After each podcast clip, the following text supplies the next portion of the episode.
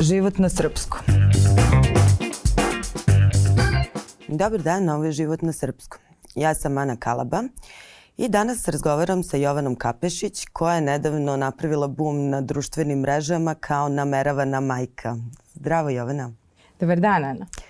E, za izraz nameravana majka smo negde relativno skoro čuli i to kad je počelo da se piše o e, predlogu zakona o surogatstvu. I tu smo čuli da su smislili super e, izraz za e, ženu koja treba da bude surogat majka koja će se zvati rodilja. Čuli smo za nameravane roditelje. Šta još stoji u tom zakonu? To je nama današnja tema. da. To je za sad još uvijek predlog e, zakona ovaj, za koji mislim da je jako dobar i progresivan i da je usvojio neke jako dobre prakse, a opet uh, da e, nije samo usvojio prakse nego se okrenuo konkretno i našem podnemlju, to je situacijama na našem podnemlju, tako da je prilagodio dosta toga tim konkretnim situacijama. U tom zakonu je vrlo jasno opisano uh, kome zapravo potrebno surogatstvo. Znači, ne može da neko ovaj, traži pomoć surogat majke samo zato što je to ne želi strije na stomaku ili mislim to je to moramo da demistifikujemo malo. Um, surogat, pomoć surogat majke mogu da traže isključivo uh, žene koje imaju medicinskih problema, to je ne problema, nego nemogućnost da uh, iznesu svoju trudnoću. Sad, razlog za to može biti, ima ih dosta, zaista. Uh, jedan od razloga su žene koje se rode bez materice. Uh, jedna u 5000 žena zapravo se rodi bez materice. Pa sad ono, možemo da krenemo da računamo koliko je to žena zapravo. Dosta. A, takođe, žene koje a, se bore sa nekom vrstom karcinoma, a, bio to karcinom grlića materice ili karcinom materice ili karcinom jajnika, a, one nakon završetka terapije nikada više neće moći da iznesu svoju trudnoću, to je svoju bebu. A, ovaj, žene koje kojima je život ugrožen samom trudnoćom takođe se igraju sa svojom glavom ako reše da jednog dana budu majke. U predlogu tog zakona takođe stoji uh, pod kojim uslovima i ko, što je jako bitno, može biti surogat majka. Tu se prolaze neke jako rigorozne kontrole. Uh, naravno, ako gledamo, primarno je da ta žena ima zdrav reproduktivni sistem da bi uopšte bila sposobna da iznese trudnoću. Uh, mora da bude majka bar jednog uh, živog deteta, to jest da ima svoje potomstvo. Uh, zatim prolazi uh, psihosocijalne provere, to jest razgovara sa psihologom, razgovara sa razgovara o tome šta će to surogatstvo značiti. Uh, prolazi procene, da li je podobna, da li je uh, okolina iz koje dolazi zapravo zdrava sredina mm -hmm. i za nju koje su njene pobude da bi bila surogat majka. Ovaj. I na kraju dolazimo do sudije koja treba da odluči da li je tu sve zaista kako treba. To jest da li će da li postoji mogućnost da i jedna i druga strana poštuju odredbe ugovora, jer tu se prave ugovori koji imaju za cilj da zaštite i nameravane majke, to su majke koje bi dobile decu pomoću surogata i rodilje, to jest žene koje bi nosile trudnoću, odnosno surogate kako to već postoji u, u jeziku od vajkada. Tako da e, to su recimo neke odredbe koje su, za koje je bitno da se zna. Uh, niko tu nije izostavljen. Uh, vrlo se jasno preciziraju uh, pravila, da kažemo pravila igre i uh, kako sprečiti zloupotrebu s bilo koje mhm. strane. Da, to sve u teoriji zvuči da se razumemo, to još nije e, prošlo. Da. Uh mhm. -huh. To je prošlo zapravo i javnu raspravu, ja mislim bar jednu javnu raspravu da je prošlo. Um, I tu se 2019. godine nekako stalo i imamo, pokolno imamo sastavljen predlog zakona, ali se stoji i čeka. Jer jeste kontroverzna tema. Jeste kontroverzna tema i jeste nešto o čemu se ne govori baš mnogo i koje, pitanje koje uvek izaziva podele, nego pre nego što krenemo na ta nezgodna pitanja koje verujem da, da. da se već suočavaš sa njima. Kako ne? Uh, vala bi negde da se dotaknemo tvog slučaja. Ti nisi neko ko e, ti stojiš i sa te strane e, žene koja ne može da dobije dete i koja želi da se upusti u to i sa, kao, kao vidi svoju budućnost negde u, u razvitku cele toj priče. Da. Uh, ja sam se odrekla svoje anonimnosti, znači što je za mene bio najveći korak. Ja sam vrlo privatna osoba, ovaj, ne volim da na sva zvona vičem o svojim problemima i slično, ali da bi ljudi shvatili ko smo mi, ko su žene kojima je potrebno neophodno surogatstvo, kojima je jedini način da bi došle do, do svog potomstva surogatstvo, ja sam morala da kažem i svoju priču, to je šta se desilo. Mislim, jedna rečenica koja odzvanja bukvalno svima, koja je meni jako skoro pala na pamet čovječe. Ja sam se prije godinu dana probudila zdrava, a legla da spavam jako, jako bolesna. To jest, ja sam saznala da imam a, rak grlića materice, a, treći stadijum, lokalno proširen. Sad, šta je to značilo? To je značilo da je karcinom a, toliko podmakao da nije bio operativan. Čak i da jeste bio operativan, postoje ogroman rizik za mene i da se to tumorsko tkivo, da ga kažem onako prostim, prostim jezikom nekako raseje i da ja ne poživim duže od godinu dana, to je bio neki rizik. A, naravno, nijedan lekar ne bi pristao na tako nešto. Sad, operacijom bi izbegla to da trajno oštetim svoju matericu i a, zaustavim svoje jajnike. Jedini, jedina terapija moguća za mene je bila radikalna radioterapija što podrazumeva zračenje, spoljašnje i unutrašnje i hemopotencijaciju. Neku vrstu kao razblažene hemoterapije, jer mislim nikako organizam ne može da izdrži punu hemoterapiju i zračenje uh, u isto vreme, tako da radikalna radijacija to nekako gleda da spoji. Uh, da, da se vratim opet, znači da sam jednog dana jednostavno saznala da imam rak i Sad ću da te pitam ono što sam ti ovako pitala, kako je moguće da je dotle došlo, a da nisu primetili na redovnim pregledima? Uh, zanimljiv je bio slučaj što je kod mene tumor bio postavljen unutra, u, znači sa unutrašnje strane, skroz, -hmm. bukvalno u ćošku. Tako da, uh, to je slučaj koji se uglavnom javlja kod, kako mi je ginekolog rekao, kod uh, dosta starijih žena i u veoma uznapredovalim uh, stadijumima da je tako postavljen, da je toliko unutra. Uh, sad oko korone ja nisam bila zapravo neke dve i po godine kod ginekologa, ali to se dešava velikom broju žena, ne bi trebalo, ne kažem da je opravdanje, ali to je tumor koji je bio tu po proceni nekih deseta godina. Mm -hmm. I nije bio uhvaćen. Kako sam ga otkrila? Otkrila sam ga na pregledu redovno a, gde je kolposkopija bila savršeno čista. Znači, kad postoji tumorsko tkivo na grliću materice, grlić se, kad se oboji jodom, a, javljaju, javljaju se a, određene regije koje su bele. Znači, to, to je tumorsko tkivo zapravo. Mm -hmm. Sad, kad, kod mene kad su bojali grlić na kolposkopiji, sve je bilo savršeno. Bojio se, znači nije imao ovaj, regije koje su abnormalne, vizualno. Međutim, papa je bila sumnjičava, da ga kažemo tako. I onda je doktorka insistirala da prvo uradimo briseve uh, za sve moguće uh, vrste infekcija koji su došli čisti i onda smo bili kao moramo da radimo zapravo biopsiju. Mm -hmm. I gle čuda, biopsija je pokazala da ja zapravo imam rak. Uh, nisam, or, mislim da se u životu nisam više molila za neku bakterijsku infekciju, ali nije, jednostavno nije bilo to. Uh, tako da specifično je bio postavljen, omaklo se, da ga kažemo tako, ali već je bio u stanju da mora da se tretira tako kako se tretirao. Mislim, dva centimetra kvadratna su mi ono, izmenila život u potpunosti. I onda?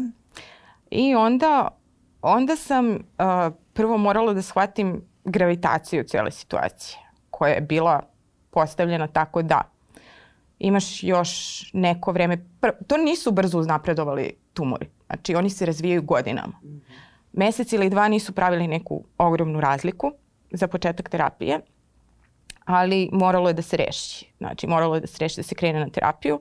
Sad ja sam naravno odmah krenula da se informišem o tome šta će značiti ta radikalna radioterapija za mene i za moj organizam. Šta će značiti za mene i moju budućnost, za moje planove o porodici, jer je značilo dosta toga. Značilo je to da ja jednog dana prirodno neću moći da budem majka. Sad koje su, ja sam gledala koje su moje moguće opcije koje postoje.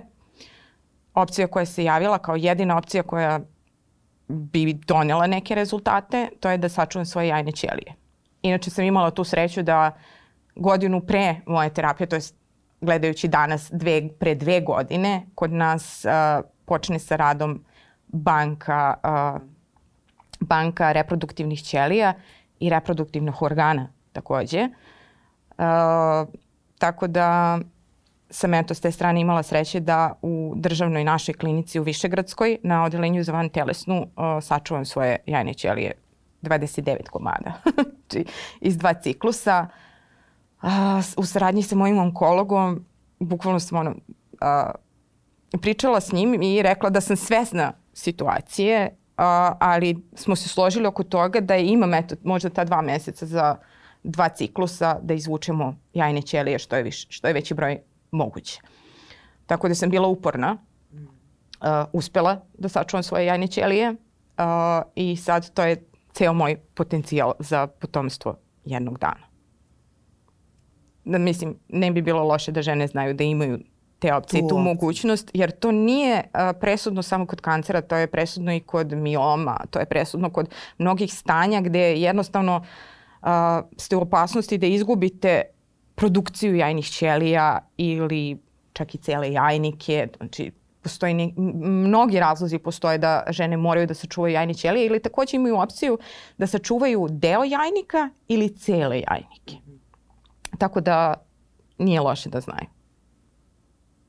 Koje su tvoje dalje opcije s obzirom na to da, eto, ok, izla, prošla kontrola, dobro prošla. Super, prošla Ove, kontrola. I sad da. možeš da razmišljaš dalje. Šta si videla kao opcije?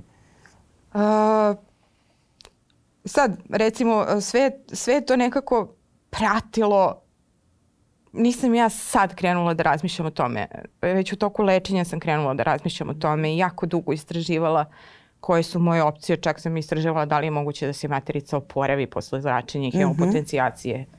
I? Nemoguće nemoguće da se oporavi da iznese plod.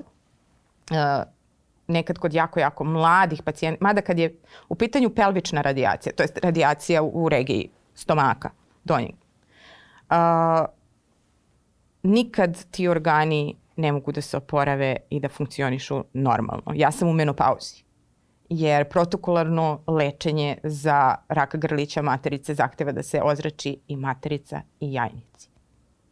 Da čim oni prođu to zračenje, kod mene se zaustavila produkcija jajnih ćelija, zaustavio se rad jajnika.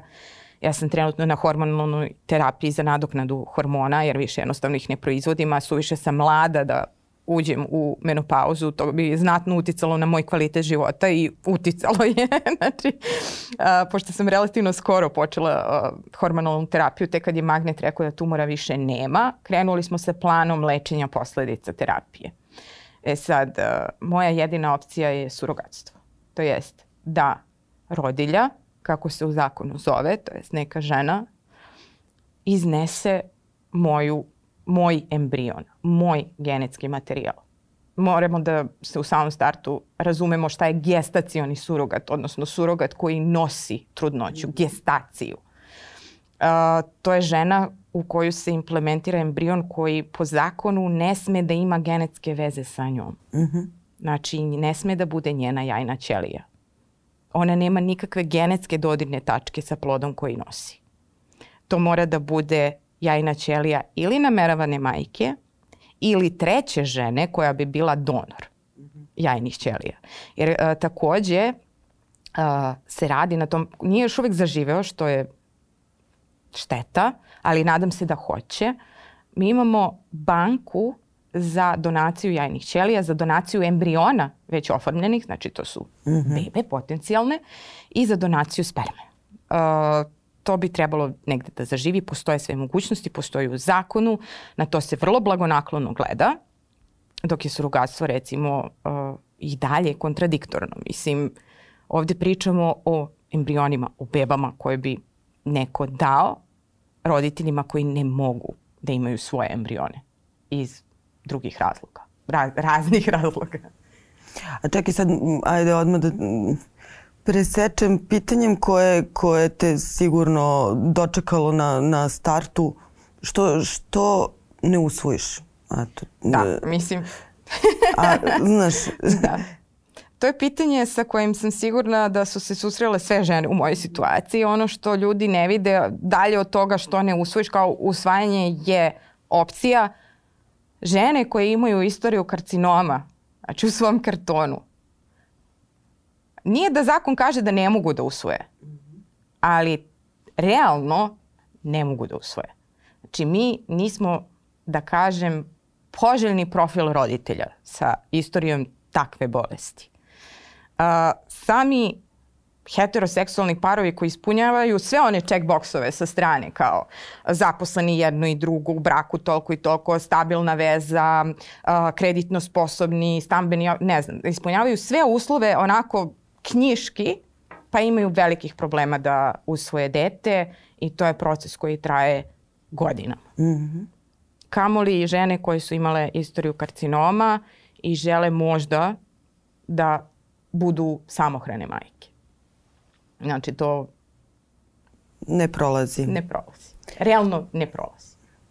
E, drugo pitanje koje se nameće i koje verovatno dosta izaziva podelu i e, iz ugla feminiskinja koje su oko ovog pitanja dosta, dosta podeljene je potencijalna zloupotreba. Ipak negde znamo u kakvom društvu živimo. Da. Uh, mislim da je to bitno pitanje, validno pitanje koje treba da se postavlja ali da se razumemo, ako mi zadnji branik nam bude već taj stadijum potencijalne zloupotrebe, mi smo već zakasnili.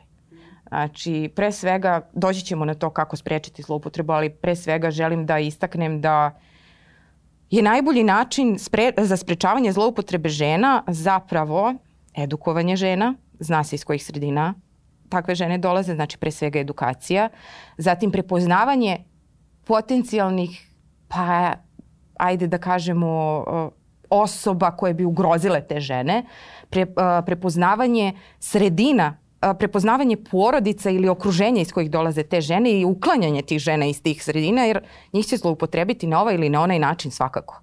Znači, naravno, ovde je u pitanju veliki novac, ali ovde je vrlo, vrlo precizno definisano ko može da bude surogat majka. Znači, ne može neko da dođe i da stavi ženu ispred vas i da kaže e, ona će da bude surogat. Ili da ta žena kaže pa dobro, jesam ja svojom voljom, a da negde sa strane stoji neki pritisak. Ta žena prolazi psihičke, socijalne provere. Ta žena prolazi preglede lekara. Ta žena ima redovna javljanja kod ginekologa. Ta žena ide ispred sudije jednog dana koji treba da donese odluku da li je podoban kandidat. Znači, ko treba da zaštiti, pre svega treba da je zaštiti zakon te žene. A gde će najbolje biti ovaj, primenjen zakon? Naravno u sudnici, zar ne? Mislim, treba da verujemo u naše sudstvo. Ako realno mislimo da uh, živimo u, u zemlji uh, gde je zakon iznad korupcije, uh, treba da verujemo u sudstvo. Da će sudija doneti ispravnu odluku. Znači, ne prolazi se jedan obruč, prolazi se mnogo obruča da bi neka žena zapravo postala surogat majka, da bi neki roditelji postali nameravani roditelji. Ali čekaj, mislim tu sad nadovezuje se pitanje zašto bi neka žena, e, znamo da je trudnoća rizik i za ženu i e, zašto bi neka žena se upustila na to mm, osim zbog velikih para, e, a u jako lošoj situaciji ili pod nekim stravičnim pritiskom E, to je nekako pitanje koje ti stoji onako Svakako. u glavi na startu. Svakako. Ovaj, pa je, recimo... Koje su to pare u pitanju? Ajde. Uh, sad nisam sigurna da li treba da se pominje iznos, uh, zato što ako se pominje izlos, iznos ovako naširoko, pre nego što zapravo zakon bude donesen, ja mislim da već može da krene da ima jako negativne pritiske ovaj, tamo gde ne treba da ima. Uh, A, tako da u, u pitanju nije neki abnormalan novac, da se razumemo. Žene koje bi bile surogati, pored toga što bi morale da prođu sve te provere, Znači, ne može neko iz čistog očaja da uh, bude surogat nakon svih tih provera. Drugo, uh, neko ko je zdravstveno ugrožen i za koga trudnoća potencijalno može da predstavlja rizik, ne može da prođe zdravstvenu kontrolu. Ali koje žene? Žene koje možda žele da pomognu drugim ženama iz nekih altruističkih pobuda, žene koje možda žele da ostvare neke svoje kratkotrajne ciljeve uh, i to vide kao na neki način uh, kao najmanju opasnost po njih zapravo. Znači, uh, žene koje Pa eto, pre svega ja to gledam kao pomoć žene ženi. Ja to tako gledam, opet moram da naglasim. Ali tu postoje sistemi i obruči kroz koje treba proći. Koje su pobude i o tome se priča. Znači i o tome kroz tu psihičku procenu pričaju sa tom ženom koja je njena pobuda da bude surogat. I to ne priča bilo ko. Pričaju stručna lica koja treba da prepoznaju te neke alarme i uh, ovaj, da, da je ta žena pod pritiskom to radi. Ajde sad ti kapiram da si imala dosta reakcija kad si, kad si svoju priču objavila na mrežama. Jesi susretala s nekim takvim ženama? Meni lično ne, ali jeste moja sestra. Ovaj, jesu neki moji prijatelji, dobijali su tako pitanje kao što oni usvoji. Ok, ja ne mogu sad ono, bukvalno od usta do usta da idem. Kao, morate da se informišete ko realno može da, da usvoji decu u našoj zemlji. O tome, I o tome treba da se priča. Znači, a, eto, zar ne postoji potencijalno velika opasnost eksploatacije dece prilikom usvajanja? Postoji. I to, znači, ne samo žena, ne samo ženske dece, nego i dečaka, sve dece. Što je po meni najopasnije zloupotreba dece. Uh, ali su, je vrlo rigorozan sistem postavljen upravo da bi se to izbeglo. Što sam sigurna da je i praksa za neko, potencijalna i buduća praksa za surogatstvo, rigorozan sistem provera. Samim tim što se to pokazalo kao moguće, u mnogim državama koje su to promenili kao uh, neku pozitivnu praksu, uh, znači da nismo mi, to iz, nismo mi prvi koji bi to uveli. Znači to već postoji. Ali čitala sam tekst Marija Ratković je da? baš istraživala svoje vremeno i tačno je navela u kojoj zemlji, pod kojim uslovima i, i druge zemlje nisu usaglašene oko odnosa prema tom pitanju. Da, da, da. Imamo različitih uh, sistema. Imamo sistema gde je surogatstvo potpuno legalizovano, to jest embrion od trenutka usađivanja u matericu surogat majke jeste dete nameravanih roditelja. A u nekim zemljama žene bi morale posle porođaja koje rađaju surogat majke, iako nisu biološke majke te dece, morale bi na sudu da se odreknu te dece. Znači, to su druge prakse. Takođe imamo i altruističko surogatstvo koje se dešava u Makedoniji i u Velikoj Britaniji. To jest da neki srodnik, ne, u stvari ne mora ni da je srodnik, nego neka žena koja želi da pomogne drugoj ženi iz potpuno altruističkih razloga iznese njenu trudnoću bez ikakve novčane nadoknade. Što je po meni opet nekako uh, jeste lepa pobuda, ali toj ženi takođe trebaju sredstva kroz tu trudnoću i da održava trudnoću i da živi i da ne mora da radi nešto drugo i da dovodi sebe u opasnost za bilo šta drugo. Znači, treba gledati i tu stranu. Treba ih zaštititi tokom trudnoće i pružiti im a, sve što im je zapravo potrebno. I tu opet dolaze te provere. A, I kad se pravi ugovor, to je uglavnom regulisano tako da žena, da, da nijedna strana ne bude oštećena. Jer koliko mogu da budu rodilje eksploatisane, toliko mogu da budu i nameravani roditelji. Mm -hmm. To Kako? jest. Pa to se upravo dešava sa ovim surogastom koji se radi na crno. Mislim, tu i jedna i druga strana su u velikoj opasnosti da se ne ispune uh, ne ispuni dogovor. Jer tu ne možete napraviti ugovore, nije u zakonu. Ne, pravite neki usmeni dogovor. Znači, Aj, pričala si s ljudima, šta se tu dešava? Kako to, šta se sada dešava, o čemu ja se ne priča? Ja zvanično, znači, pošto to jeste nelegalno, uh -huh. ja zvanično ne mogu da kažem ništa. Ali mogu da kažem da sam čula priče da su rodilje ostale neplaćene. Dogovorile su se za određenu sumu da iznesu plod i ostale neplaćene na kraju. Ili da su roditelji ucenjivani za veće iznose da bi dobili svoje dete. A, na kraju A čekaj, kraj... čula si priča da se to kod nas dešava? Da, uh -huh. da. A, I na kraju uvek je to neko veliko iznenađenje kad oni ne mogu zapravo da usvoje svoje dete. Odu negde u inostranstvo na vantelesnu oplodnju sa rodiljom i svojim embrionom i na kraju ne mogu da budu zvanično roditelji svog deteta jer naš zakon to ne dozvoljava. -hmm. Tako da, i, da sve ispadne kako treba, imamo dete koje je u nekom limbo statusu. Znači, ni tamo, ni ovde.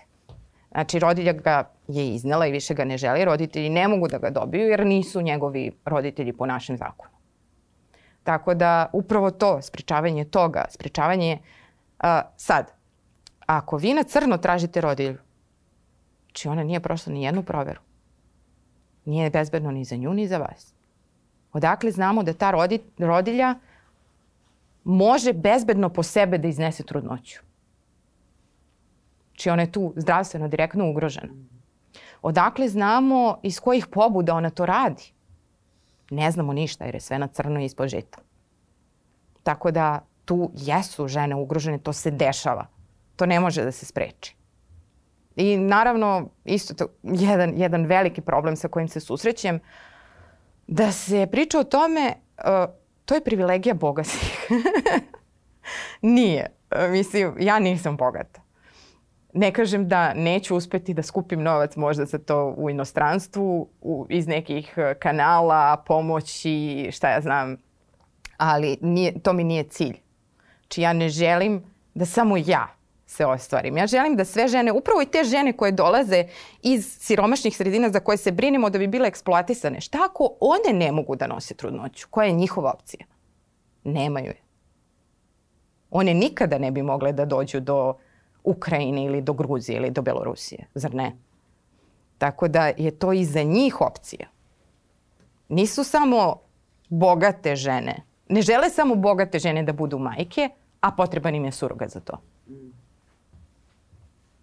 Dobro i misliš stvarno da, da je to nešto što bi moglo u nekoj bliskoj budućnosti kod nas s obzirom na to da verovatno će ti skrenuti pažnju i na gomilu drugih problema koji su možda upadljivi u ovom trenutku ili je ovo jedan od njih samo nije nama vidljiv? A, ovo nama trenutno skoro uopšte nije vidljivo. Mnogo mm -hmm. je mitova o tome, mnogo je pogrešnih stavova. Mislim, pogre... ne postoji pogrešan stav. Svako ima svoj stav. Aha.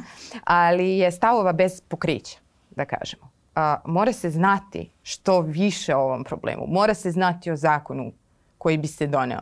Moramo da edukujemo uopšte kompletno uh, našu naciju o tome šta taj zakon znači, šta predviđa, koga štiti, kome je dozvoljeno, na koji način štiti i ko može da pomogne. Da li ga vidim u nekoj bliskoj budućnosti? Ja sam realista, tako da ću reći da možda i ne. Zato što najteže je zapravo krenuti točkiće administracije i ovaj, te neke papirologije i zakona. I... To su točkići koji se najteže okreću. Veliki broj ljudi učestvuje u tome. Treba se usaglasiti. Tu i dalje ima kontroverznih ovaj, stavova o mnogo čemu, što, o čemu ja nisam pričala sada. Znači, Sa čime si se susrela? S kakvim još pitanjima koje... Kažem opet, direktno meni niko nije postavio uh, neka previše škakljiva pitanja, osim zašto ne usvojiš, kao to je opcija da. za tebe. Ili, ili je čak bilo i pitanje o uh, transplantaciji materice koja je izuzetno opasna. Znači ja sam se borila za svoj život ja kad sam saznala da koju sam dijagnozu dobila, ja sam bila kao, ok, da li postoji mogućnost da se možda hiručki ostrani? Postoji, ali veliki rizik po, po moj život. Uh, da li postoji mogućnost da za transplantaciju matrice? Postoji. Znači, ako sam ja već jednom shvatila da jedino ako sam živa mogu da budem nekom i dobra majka, zašto bi opet rizikovala svoj život transplantacijom materice. To jeste dobra opcija za neke, ali za neke definitivno nije. Uopšte je rizično, jako, jako rizično i ja mislim da je kod nas bio do sad samo jedan slučaj, to je jedna sestra bliznakinja dala drugoj matericu. Tako da je to bio jedan jedini slučaj kod nas za sada da ja znam. Dobro, ja se nadam da smo sad bar otvorili to pitanje, a mislim da će se o ovome baš još mnogo dugo raspravljati. Ja se iskreno nadam da će se o ovome pričati, jer uh, samo dok se, kad krene da se priča o nečemu, zapravo izlazi na površinu pitanja, zapravo izlaze na površinu objašnjenja i demistifikujemo neke predrasude o cijelom procesu i postupku što mora da se desi, što neminovno mora da se desi. Mora da postoji nezgodna pitanja, mora da postoji objašnjenja. I naravno moramo da shvatimo da svako ima svoju perspektivu. Ovo je bila moja perspektiva. Ali nadam se da sam dala i neke uh, validne podatke.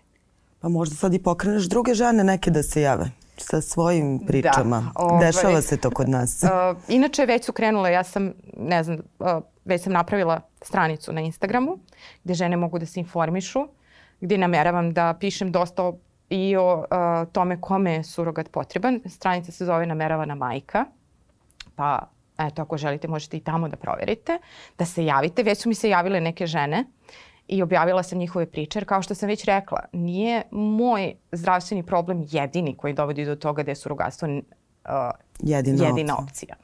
Znači, javila mi se i Kristina koja se rodila bez materice. Takođe, uh, jedan strašan podatak je da svake godine preko 500 žena u reproduktivnom periodu, znači u periodu kada treba da postaju majke, ostane bez materice. Hiruškim putem koliko žena zbog zračenja ostane sa neupotrebljivom matricom, da kažemo tako, mislim to je ružno. Ružno sam rekla, ali sa matricom koja ne, ne može da iznese plod. Taj podatak nemam, ali sam sigurna da ih je takođe mnogo. Žene koje su diabetičari, žene koje, uh, im, koje su opasnosti da im otkaže funkcija određenih organa, jer trudnoća jeste jedan izuzetno težak fizički proces za organizam žene. Tako da mnoge žene zbog oslabljene funkcije nekih organa su u riziku da iznesu svoju trudnoću.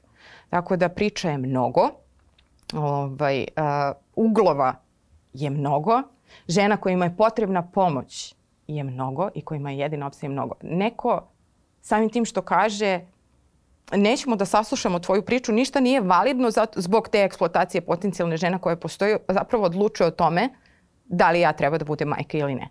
Što mislim da je suludo, jer e, po Ustavu Republike Srbije svako ima pravo o slobodi odlučivanja o rađanju.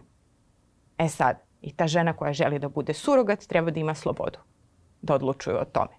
Ali treba da bude podržana zakonom, treba da postoji sistem podrške i u njenom okruženju, ali i u institucijama. Hvala ti, Jovana. Hvala tebi, Ana, od srca, na podršci.